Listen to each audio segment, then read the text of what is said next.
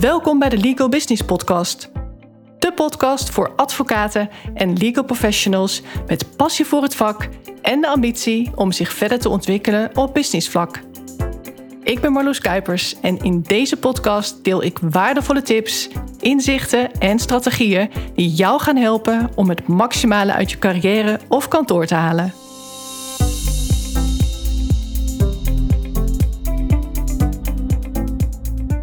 Het vinden van de juiste mensen. Als er iets is wat ik de laatste tijd heel veel hoor, dan is het wel die uitdaging om de juiste mensen te vinden. En dan met name ervaren advocaat-medewerkers. Waar zijn ze? Hoe vind ik ze? En hoe zorg ik ervoor dat het echt een match is en dat ze ook echt renderen, dat ze echt goed passen bij kantoor? Want dat is vaak de tweede uitdaging. Allereerst om ze te vinden, ten tweede om ze te krijgen en ten derde om ervoor te zorgen dat ze ook echt aan jouw verwachtingen voldoen. Dat ze echt passen bij jouw kantoor. Dat zijn dus drie uitdagingen. Het vinden van de juiste mensen, het binnenhengelen van de juiste mensen, om het maar even zo te noemen, en het behouden van de juiste mensen en er ook voor te zorgen dat je tevreden bent. Want als een medewerker wil, wil blijven, maar jij denkt van nou, voldoet eigenlijk niet aan mijn verwachtingen, dan is het ook niet echt een succes. Daar kunnen we het wel over eens zijn. Laat ik bij uitdaging 1 beginnen. Hoe vind je de juiste mensen? Vaak begint het met een vacature. Dus ook met een vacature tekst. En daar gaat het vaak al mis, want er wordt vaak niet echt goed over nagedacht. Er wordt vaak toch als eerste gekeken naar welke eerdere vacatures hebben we ook alweer uitgezet.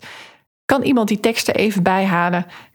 Vaak wordt het op hoofdlijnen aangepast, maar niet op detailniveau. Niet op de echt belangrijke punten, de essentiële punten die het verschil maken. Want je weet het, the devil is always in the details. Want wie wil je nou eigenlijk aantrekken? Wie past nou eigenlijk bij kantoor allereerst? Want elk kantoor heeft toch zijn eigen kantoor-DNA, zoals ik dat noem. Een bepaalde manier van werken, passend bij de missie en de visie die een kantoor heeft. Bijvoorbeeld heel erg gericht op snelheid of op goede bereikbaarheid, op klantgerichtheid, etc. Dat maakt echt verschil. Niet elke medewerker zal er goed bij jou passen. Het hangt ook helemaal van af, vooral bij seniors, wat ze gewend zijn. waar hebben ze gewerkt? Wat is hun werkwijze tot nu toe? En wat verwachten ze van jouw kantoor? Zorg ervoor dat dat heel duidelijk is. Ga ook kijken naar de eigenschappen van iemands positie als advocaat. Want het maakt uit of iemand nou een bestuursrechtadvocaat is, een eh, adviespraktijk heeft, een procespraktijk gaat krijgen. Dat maakt allemaal uit. Want zoveel soorten mensen, zoveel soorten advocaten. Om de juridische inhoud gaat het al lang niet meer. En natuurlijk moet dat helemaal goed zijn, dat bedoel ik niet, maar het is niet meer genoeg. Iemand die juridisch briljant is, kan toch heel erg tegenvallen. Bijvoorbeeld omdat iemand een heel eigen werkwijze heeft die helemaal niet past bij de rest. Iemand kan bijvoorbeeld niet samenwerken, is absoluut geen teamplayer, maar is echt een solist. Dat kan echt lastig zijn. Maar dat hoeft niet zo te zijn bij elk kantoor. Bij het ene kantoor kan het prima passend zijn bij een ander kantoor helemaal niet. Een ander punt is: gaat iemand een adviespraktijk voeren of een procespraktijk? Dat vraagt heel wat anders van een advocaat. Hele andere kwaliteiten en eigenschappen. Dat is echt heel belangrijk om over na te denken. En dat moet ook terugkomen in die vacaturetekst. Wil je iemand die heel erg bedachtzaam is en heel erg risicomijdend? Of moet iemand juist een processtijger zijn en heel vurig zijn en high energy? En hoe is de sfeer op kantoor? Vrij serieus of houden jullie wel van een lolletje? Dan wil je niet een saaie Piet in huis halen. Dat moet een beetje een kleurrijk iemand zijn. Iemand die wel van een geintje houdt. Iemand die humor heeft. Dus denk daar echt over na. En het gaat dus veel verder dan ik zoek een advocaat, ondernemingsrecht met ervaring op het gebied van vennootschapsrecht, grootjesopleiding, ervaring in een internationale praktijk, is in staat om een eigen praktijk op te bouwen. Allemaal dat soort standaarden. En vaak is het ook nog zo dat dat soort dingen niet echt goed worden gelezen. Want dat is een ander punt. Hè? Wie reageert op een vacature? Want ik hoor ook weer het probleem dat degene die reageert toch vaak niet aan de vacaturetekst blijkt te voldoen. Want daar wordt ook heel makkelijk overheen gestapt. Hetgeen wat in de vacaturetekst staat en wat dan vervolgens de realiteit is. Want heel vaak is het zo dat de sollicitanten hè, die op de vacature reageren, vinden dat ze helemaal aan het profiel voldoen. Maar de realiteit is toch wel wezenlijk anders. Neem nou bijvoorbeeld het vloeiend spreken van een bepaalde taal, het in staat zijn om een eigen praktijk op te bouwen of ervaring hebben binnen een bepaald rechtsgebied. Een sollicitant blijkt soms te vaak onderschatten wat er van hem of haar verwacht wordt en te overschatten wat hij of zij kan. En ook soms wat vergeetachtig te zijn, bijvoorbeeld dat ze dyslectisch zijn. Niet onbelangrijk om te melden. Want ja, dit heb ik allemaal gehoord van kantoren. Medewerkers die niet aan de verwachtingen voldoen. En op hele belangrijke punten. Dus zorg ervoor dat je dat als kantoor heel duidelijk etaleert in die vacaturetekst. Dan kan daar natuurlijk niet alles in staan. Hè? Want als je zo'n waslijst aan gedetailleerde wensen, et cetera, benoemt, dat schrikt natuurlijk af. Maar zorg er wel voor dat je dat uit de gesprekken haalt. Bereid die gesprekken goed voor. En vraag door en door en door. En volsta niet met die basisvragen. Het is echt niet meer belangrijk of iemand nou tien jaar geleden ook bij die roeiclub heeft geroeid. Of die wereldreis. Tuurlijk is het leuk, maar dat is ook niet cruciaal. Want het feit dat iemand de behoefte had om een wereldreis te maken, maakt nog niet dat iemand ook heel zelfstandig is of heel erg avontuurlijk. Nee, er zijn genoeg reizigers die met heel veel heimwee op alle mooiste plekken van de wereld hebben gezeten. Of voortijdig zijn teruggekeerd. Dus sta je daar niet op blind. Het is veel belangrijker om iemands kennisniveau te testen. Want vaak zit het wel goed met de juridische inhoud, maar soms ook niet. En met name als het gaat om senior medewerkers, waar heel vaak van wordt verwacht dat ze een bepaald kennisniveau hebben, maar dat blijkt in de praktijk niet zo te zijn. En dat is vaak zo als ze bij een kantoor hebben gewerkt met een heel ander soort praktijk. Bijvoorbeeld een praktijk met heel veel toevoegingen en vervolgens naar een commerciële praktijk. Het zal sowieso geen verrassing zijn dat dat soort kantoren niet zo hard aan acquisitie doen. Het is een ander businessmodel. Maar nu even weer terug naar de vacaturetekst. Zorg er allereerst voor dat die heel specifiek is. Zonder daarbij te verzanden in details, zoals ik net aangaf. Want je kunt natuurlijk alles wat je wilt vragen, nou ja, binnen de grenzen die er zijn. Maar je kunt natuurlijk heel veel meer vragen tijdens een sollicitatiegesprek. Maar zorg er wel voor dat de juiste persoon zich in de vacaturetekst herkent en het liefst zo volledig mogelijk. Dus dat die echt spot on is. En ook dat de verkeerde mensen, dus die niet bij jouw kantoor passen, dat die ook afhaken. Dat zij ook echt denken na het lezen van die vacaturetekst: nope, not for me. Want dat is goede marketing. Je trekt de juiste mensen aan en je stoot de juiste mensen af. Het moet duidelijk zijn wat iemand gaat doen in de praktijk. Gaat iemand vooral adviseren of procederen? Heeft iemand te maken met internationale cliënten? Gaat iemand vaak Engels spreken? Wordt er veel in teamverband gewerkt? Wordt er verwacht dat iemand presentaties geeft of publiceert? Allemaal dat soort dingen. Het is belangrijk om te weten of dat iemand ligt. Ja of nee. En wordt er bij jou op kantoor nou niet op een vaste werkplek gewerkt, maar zijn er flexplekken of een kantoortuin? Dat is belangrijk om te vermelden omdat er mensen zijn die absoluut niet tegen een onrustige werkomgeving kunnen. Maak ook duidelijk hoe er gewerkt wordt, want het maakt nogal wat uit voor iemand of er sprake is van een vaste werkplek, of dat er flexplekken zijn, of een kantoortuin. Dus of iemand echt in rust kan werken, of juist tegen de dynamiek moet kunnen van veel reuring. Wordt er veel in teamverband gewerkt, of juist heel zelfstandig? Heeft iemand een secretaresse, ja of nee? de mate van ontzorging, want als je dat op een hoog niveau levert, dat is voor veel advocaten heel veel waard. Geef ook aan in hoeverre thuiswerken de norm is. En vermeld ook eventuele interessante secundaire arbeidsvoorwaarden. Voorwaarden waarvan je denkt, nou, dat doet niet elk kantoor. Daarmee zijn wij toch echt onderscheidend. Dan moet je dat zeker benoemen. Nou, dan heb je een hele sterke vacaturetekst. Maar wat dan? Nou, ik ga er even van uit dat je het niet uit handen geeft, want dat is natuurlijk een heel ander proces. Maar nu word je beloond of afgestraft als je wel of niet goed voor je netwerk hebt gezorgd. Neem dan bijvoorbeeld LinkedIn. Ik zie wel eens HR-medewerkers met een oproep voor, nou, wij zoeken medewerkers dus en zo. En dat zijn dus mensen die normaal helemaal niet echt actief zijn of helemaal niet interactief zijn of communiceren. Als je mijn vorige aflevering hebt geluisterd, nou, dan weet je wel hoe belangrijk communicatie is. Ja, en als ik dan lees dat ze op hard op zoek zijn naar een advocaatmedewerker met dit of dat profiel, dan voel ik niet heel erg de behoefte om nou in mijn netwerk te duiken en na te denken van, goh, zou ik iemand kennen die hieraan zou voldoen? Want heel eerlijk, eigenlijk is elke medewerker van jouw kantoor jouw uithangbord. En je wandelende reclamezuil, om het zo maar even te zeggen. Want het beeld dat ik van een medewerker heb, dat straalt af op het kantoor.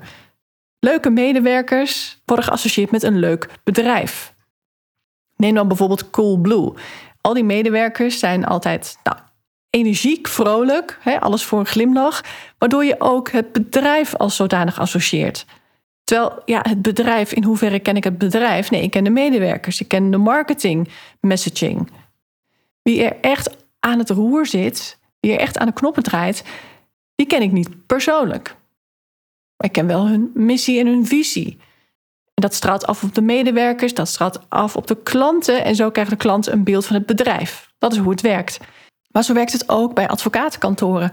Alle medewerkers van de receptionisten tot HR, finance, de partners, de advocaatstagiaires, noem maar op. Iedereen draagt een kantoornaam uit. En elk kantoor wordt toch beoordeeld aan de hand van het gedrag van medewerkers. En het verbaast me echt dat medewerkers die op een bepaalde positie zitten, zoals PNO, HR, dat die niet actief bezig zijn met het uitdragen van de juiste boodschap, hè, om de juiste mensen aan te trekken in dit geval. En dat geldt ook voor marketingmensen. Het gaat veel verder dan iets delen over kantoor. Kijk, we hebben dit bereikt. Kijk, we hebben nu dit concept bedacht. Leuk hè? Goed hè? Nee, dat is niet genoeg. Dat werkt niet. Dat levert niet echt iets op. Dat maakt zeker niet dat op een moment dat je iets nodig hebt van je netwerk, dat je daar dan een beroep op kunt doen wat ook iets oplevert. Maar heb je als kantoor dan wel goed voor je netwerk gezorgd, dan is dat de plek allereerst om te delen dat je op zoek bent naar iemand. En dan kun je ook verwachten dat mensen daar hun best voor gaan doen. Of in ieder geval goed gaan nadenken van, hey, ken ik niet iemand? Al is het maar omdat ze ook zelf een positief gevoel hebben bij jouw kantoor en denken: oh, dat is een leuke plek om te werken. Als ik advocaat was, zou ik daar willen werken. Wat je als kantoor eigenlijk doet, is online een visitekaartje afgeven. Dat geldt voor offline. Elke medewerker die maar ergens komt bij een businessclub, als dat een onsympathiek persoon is, dan staan ze niet in de rij om cliënt te worden bij kantoor. Ook al heb je het maar over één medewerker. Het is misschien niet eerlijk, maar het is wel hoe het werkt. Mensen doen altijd zaken met mensen. En als de enige persoon die ze kennen van dat kantoor iemand is die ze gewoon niet sympathiek vinden, dan ja, schrijven ze toch dat hele kantoor eigenlijk af. En dat wil je niet. Dus dat is ook een reden om echt veel aandacht te besteden aan je medewerkers. Hoe gedragen ze zich naar buiten toe? Snappen ze echt goed waar kantoor voor staat? En kunnen ze echt een boegbeeld zijn van kantoor? En dan hebben we de volgende fase. Mensen komen op gesprek. Hoe ga je dan dat gesprek voeren? Welke vragen stel je en welke vragen stel je niet? Het is ook belangrijk natuurlijk in welk gesprek je welke vraag stelt. Allereerst is het natuurlijk heel belangrijk dat je een goed gevoel hebt bij een medewerker. En dat weet je vaak al heel snel. Is dat iemand waar je een paar uur mee in een auto zou willen zitten? Is dat iemand die je op de kantoorborrel zou willen hebben? Is dat iemand die je vol trots meeneemt naar jouw belangrijkste cliënt? Vind je deze persoon representatief voor kantoor? Belangrijk bij de vragen die je stelt is dat je ook afwijkt van de standaardvragen. Want heel veel medewerkers zijn voorbereid op vragen van: goh, wat zijn je goede eigenschappen? Wat zijn je ontwikkelpunten? Of wat zijn je zwakke punten? Waarom zou je bij dit kantoor willen werken? Allemaal wel belangrijke vragen. Maar het zijn vragen waar een sollicitant zich op voorbereidt. Het is sowieso altijd verstandig om door te vragen. Gewoon uit interesse, maar kun je een voorbeeld noemen of waarom vind je dat? En vraag ook naar iemands echte interesses en passie, wat ook verder gaat dan werk. Want zo kun je ook inschatten of de advocatuur voor de lange termijn wat voor iemand is. En of je op korte termijn kunt verwachten dat iemand een sabbatical wil. Belangrijke dingen die je ook moet weten is hoe iemand tegen overwerk aankijkt, tegen werktijden die niet vaststaan. Het is ook belangrijk om te weten in hoeverre iemand waarde hecht aan vrijheid. Vervolgens kun je dat toetsen aan hoe flexibel jullie als kantoor zijn qua werktijden bijvoorbeeld, of qua afwisseling, qua werkzaamheden. Of is het heel erg onderverdeeld wie wat voor soort zaken doet? Allemaal hele belangrijke dingen, want anders raakt een medewerker verveeld, gefrustreerd en gaat iemand weg. Of is iemand gewoon niet productief? Als jullie als kantoor niet scherp hebben waar iemand echt van aangaat, wat echt belangrijk is voor iemand, dan kun je voor je gevoel heel veel in iemand investeren. Omdat je iemand compleet ontzorgt met een secretaresse. Omdat je heel veel investeert in iemands opleidingen. Maar het kan ook zijn dat een medewerker juist heel veel waarde hecht aan persoonlijke ontwikkeling. Een bepaalde vrijheid om ook nevenfuncties te kunnen bekleden. Of om actieve inbreng te kunnen hebben in overleggen. En bepaalde creativiteit kwijt kunnen.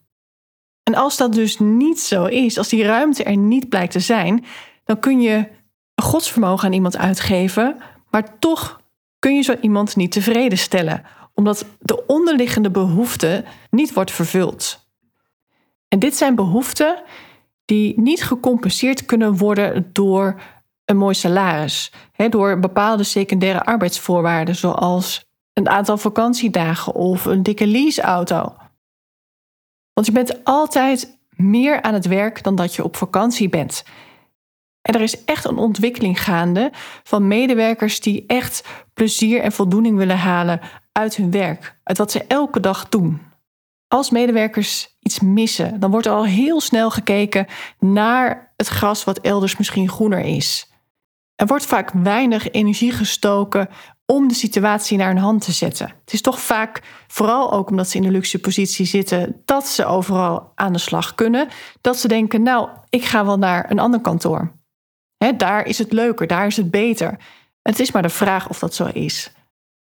Want als er een bepaalde onrust in je zit, en nu heb ik het eigenlijk al over de medewerkers, de sollicitant, waar moet jij nou op letten? Je neemt jezelf wel mee. dus als je echt een bepaald beeld hebt van hoe het moet voelen om ergens te werken, vaak is dat niet realistisch. Vaak wil je het te perfect hebben. En het leven is niet perfect. Niemands carrière is perfect. Het werkende leven is ook niet perfect. Dus het gaat nooit elke dag leuk zijn. Dat is ook echt iets om je te realiseren als je gaat solliciteren, als je overweegt om naar een ander kantoor te gaan of om een carrière switch te maken. Van de advocatuur naar het bedrijfsleven of andersom. Waarom doe je dat? Wat is de reden om te solliciteren? Wat wil je daarmee winnen? Dat is ook belangrijk om over na te denken. Want het werkt natuurlijk beide kanten op. Het kantoor moet weten wat zij te brengen hebben, wat ze te bieden hebben, maar ook wat ze verwachten en wat de ander moet brengen. Dat geldt ook voor de sollicitant. Wat hoop je te halen en wat hoop je te brengen? En is dat realistisch? Want je wilt niet teleurgesteld worden, maar je wilt ook de ander niet teleurstellen. En als er van beide kanten zorgvuldig nagedacht wordt over waar begin ik aan, dan is de kans op een succesvolle match en een langdurige samenwerking veel groter. Als beide partijen echt de intentie hebben om er het beste van te maken, om een weloverwogen beslissing te nemen en zich ook in de ander te verplaatsen. Wat is nou het belang van de ander en kan ik dat waarmaken? Match dat. Het heeft geen zin als één van de partijen zich beter voordoet dan hij of zij is. Het kantoor wat zich flexibeler voordoet dan het blijkt te zijn. Of een medewerker die bepaalde ervaringen claimt te hebben die hij of zij niet heeft. En als je gaat solliciteren, wees dan ook heel eerlijk naar jezelf en naar de ander, maar ook naar jezelf. Ken jezelf ook goed. Wees realistisch. De advocatuur is geen 9 tot 5 baan. En solliciteren bij de Zuidas is wezenlijk anders dan wanneer je het MKB gaat bedienen bij een veel kleiner kantoor. De advocatuur kun je niet over één kam scheren. Er is veel keuze. Probeer niet ergens binnen te komen omdat je denkt dat het goed is voor je cv, maar waarvan je eigenlijk al weet: dit past niet bij mij. En ben je nou een starter, ga dan ook niet te veel eisend zijn. Verwacht niet dat je exact dezelfde zaken krijgt als een senior. Dat is gewoon niet realistisch. Verwacht ook niet dat je dezelfde vrijheid krijgt als een senior. Nee, je hebt het vak nog te leren. Iedereen is zo begonnen. En geduld is een schone zaak. Het kost tijd om het vak te leren. Het kost tijd om credits op te bouwen. En het kost tijd om ergens te wennen. Want als switch je op senior niveau van het ene kantoor naar het andere kantoor, al zijn ze behoorlijk vergelijkbaar, dan is het toch nog een uitdaging. Dan heeft het toch nog tijd nodig om te wennen. Het zijn de collega's, het is toch een wat andere werkwijze, het is misschien een ander systeem waar je mee werkt. En onthoud één ding: mensen kunnen geen gedachten lezen. Mensen kunnen niet inschatten wat je nodig hebt. Ze weten ook niet wat je gewend bent, dus je zult daar verantwoordelijkheid voor moeten nemen. Je zult zelf moeten aangeven wat niet duidelijk is, wat je mist, wat je gewend bent, wat je prettig vindt. Zo kun je een situatie ook naar je hand zetten. Probeer het in ieder geval. Probeer zoveel mogelijk zelf de lead te nemen om jouw ideale werkzetting te creëren. Want vaak is er veel meer mogelijk dan je denkt. En zowel voor een kantoor als voor een sollicitant, voor een medewerker geldt dat de allerbelangrijkste dingen, dat je die helder hebt. Voor kantoren, wat verwacht je van een medewerker? Wat zijn de non-negotiables? dus als een medewerker daar niet aan voldoet of aan wil voldoen, dat het dan ook gewoon beter is om niet met elkaar in zee te gaan. En anderzijds, een medewerker weet ook wat voor jou echt zo belangrijk is dat als een kantoor daar niet in mee wil gaan, dat je ook weet, daar hoor ik niet thuis. Als je als kantoor niet weet wat je nou echt van een medewerker verwacht, en als je als medewerker, als toekomstig medewerker, eigenlijk niet weet waar je aan kunt voldoen en waar je aan wilt kunnen voldoen, dan is de kans op een mismatch heel groot. En dat kun je dus echt voorkomen. En dat geldt vooral voor senior medewerkers of in ieder geval medewerkers met al ervaring in de advocatuur, die weten waar ze goed in zijn, die weten ook wat ze leuk vinden aan het vak, die kunnen vergelijken met voorgaande kantoren en die kunnen dan ook heel concreet aangeven wat ze graag willen. Wat er voor nodig is om het echt naar hun zin te hebben. En ook wat ze kunnen bieden richting kantoor. Nou, het mag inmiddels duidelijk zijn dat ik het heel belangrijk vind dat beide partijen, dus zowel het kantoor als de sollicitant, de potentiële werknemer, heel scherp heeft wat zij nodig hebben en wat ze te bieden hebben. Want alleen zo is er een goede match mogelijk. Daarom gaat het ook lang niet altijd goed als je vacatures uitzet bij een werving- en selectiekantoor. Die vaak hele forse commissies krijgen en net een wat andere afweging maken. Ik heb inmiddels bij diverse kantoren gezien dat een dure medewerker, die echt is aangetrokken via een werving- en selectiekantoor, die op papier ook echt een goede match lijkt te zijn, in de praktijk op de langere termijn geen goede match bleek te zijn, omdat de verwachtingen over en weer toch te verschillend waren. Omdat de achtergrond niet matchte omdat iemands werkervaring inhoudelijk misschien wel vergelijkbaar was, maar toch qua soort kantoor wezenlijk anders. Dus dat er eigenlijk een soort cultuurshock was. Een mismatch qua kantoor-DNA. Het tegenovergestelde van het uitbesteden van een vacature is door te dichtbij te kijken. door intern te zeggen: Goh, we zoeken een nieuwe collega. Kent iemand nog een advocaat die hier wel zou willen werken? Op zich is dat geen gekke vraag, maar wel als dit resulteert in het binnenhalen van vriendjes en vriendinnetjes van een aantal collega's. Dan wordt er niet gekeken naar wat een kantoor nodig heeft om te groeien of wat een praktijkgroep nodig heeft om zich verder te ontwikkelen. Want daarvoor zijn bepaalde skills nodig. Daarvoor is iemand nodig die er misschien nu nog niet is. Echt een missing link. Dat er iemand is met andere kwaliteiten dan wat er nu al aanwezig is. Want als je alleen maar mensen hebt die hetzelfde zijn, dan blijft alles hetzelfde. Je zou moeten willen dat een nieuwe medewerker het team versterkt, aanvult en niet zozeer opvult. er gaat iemand weg, dus er is een gat. Nou, dan moet iemand voor in de plaats komen. Dus laten we maar iemand zoeken die gewoon die plek in kan nemen. Nee, dat is korte termijn denken.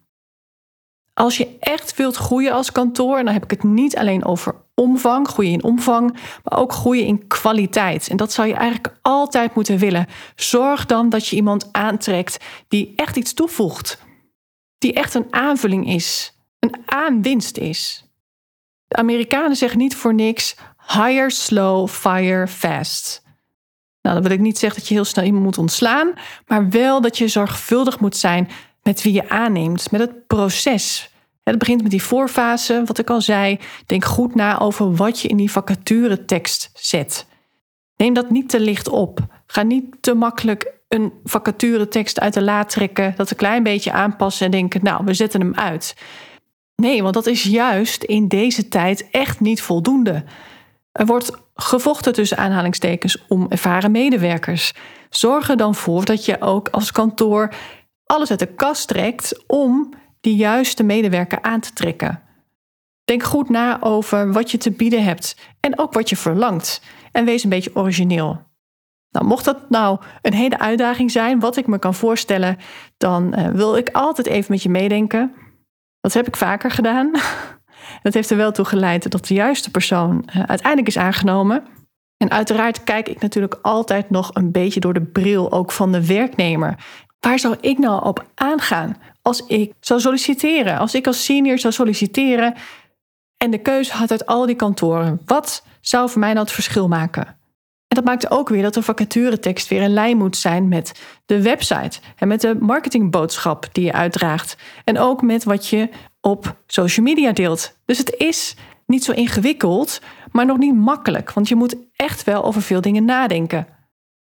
En realiseer je heel goed dat het niet gaat om heel snel iemand vinden, maar om de juiste persoon te vinden. Want iemand aannemen die niet goed past bij kantoor is echt een hele dure aanwinst. Niet alleen vanwege de salariskosten die je moet maken, maar ook de investering die je doet in iemands opleiding en ontwikkeling. En vervolgens, als iemand niet rendeert, dan zul je toch op zoek moeten gaan naar een ander. Dus je zult ook weer een ander moeten aantrekken en inwerken vergeet ook al die inwerkuren niet. Dat wil je echt alle tijden voorkomen. Dus mijn advies is: denk er echt goed over na. En als iets een mooi moment is, is het wel dit jaar, het einde van 2021. Hoe wil je dat volgend jaar eruit ziet? Wat is belangrijk voor jou? Wie mist er nog? Welke kwaliteiten missen er nog? Je zult eerst moeten weten waar je als kantoor wilt staan om vervolgens te kunnen beslissen welke medewerkers erbij horen. Wat moeten die medewerkers kunnen? Dat geldt ook voor je huidige medewerkers. Waarin moeten zij zich nog verder ontwikkelen? Is dat acquisitie? Is dat leiderschap? Is dat communicatie, samenwerken? Noem maar op. Haal het maximale uit het team wat je al hebt en kijk dan wie er nog mist, wat er nog mist. En denk dan heel goed na over het profiel van deze medewerker. Pas als je dat helder hebt, ga je de vacature uitzetten. En dan weet je ook wie je in je netwerk kunt benaderen. Wie kent nou die persoon die je nodig hebt? Of wie is die persoon die je nodig hebt? Mocht je het nog best lastig vinden, wat ik me kan voorstellen, dan nodig ik je uit om contact met mij op te nemen. Want we kunnen er altijd even over sparren. Ik kan je mijn ervaringen delen en uh, daar kun je zeker van leren. We hebben het deze aflevering vooral over nieuwe medewerkers, maar vergeet ook niet de medewerkers die je al hebt. En probeer ook echt al hun potentieel te benutten. Om ervoor te zorgen dat zij het allerbeste uit zichzelf halen, zodat niet alleen zij ervan profiteren, maar ook jij als kantoor en de cliënten. De deuren zijn op dit moment geopend voor mijn business traject, het meesterschapstraject, speciaal voor senior advocaten en juristen die echt een all-round professional willen worden. Dus niet alleen juridisch goed willen zijn, maar ook echt een sterke leider willen zijn. Heel goed kunnen communiceren, heel goed kunnen delegeren, mensen kunnen aansturen, maar ook heel goed zijn in relatiebeheer, acquisitie, praktijkmanagement en hoe slimmer te werken in plaats van harder.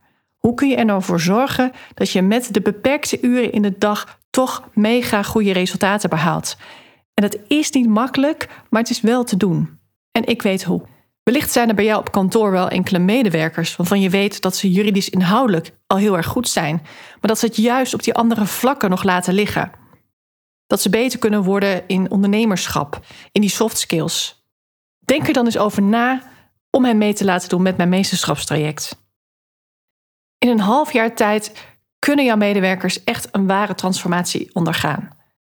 En om dat zeker te weten, zou ik je willen adviseren om een adviesgesprek bij mij te boeken. Dat kan via mijn website. En daarvan vind je ook de link bij de show notes onder deze aflevering. En natuurlijk nodig ik ook jou uit als professional, als advocaat die nu luistert. Als je weet, ik wil me verder ontwikkelen. Ik wil me echt allround ontwikkelen. En ook heel goed worden in die commerciële skills, in die vaardigheden, in die soft skills.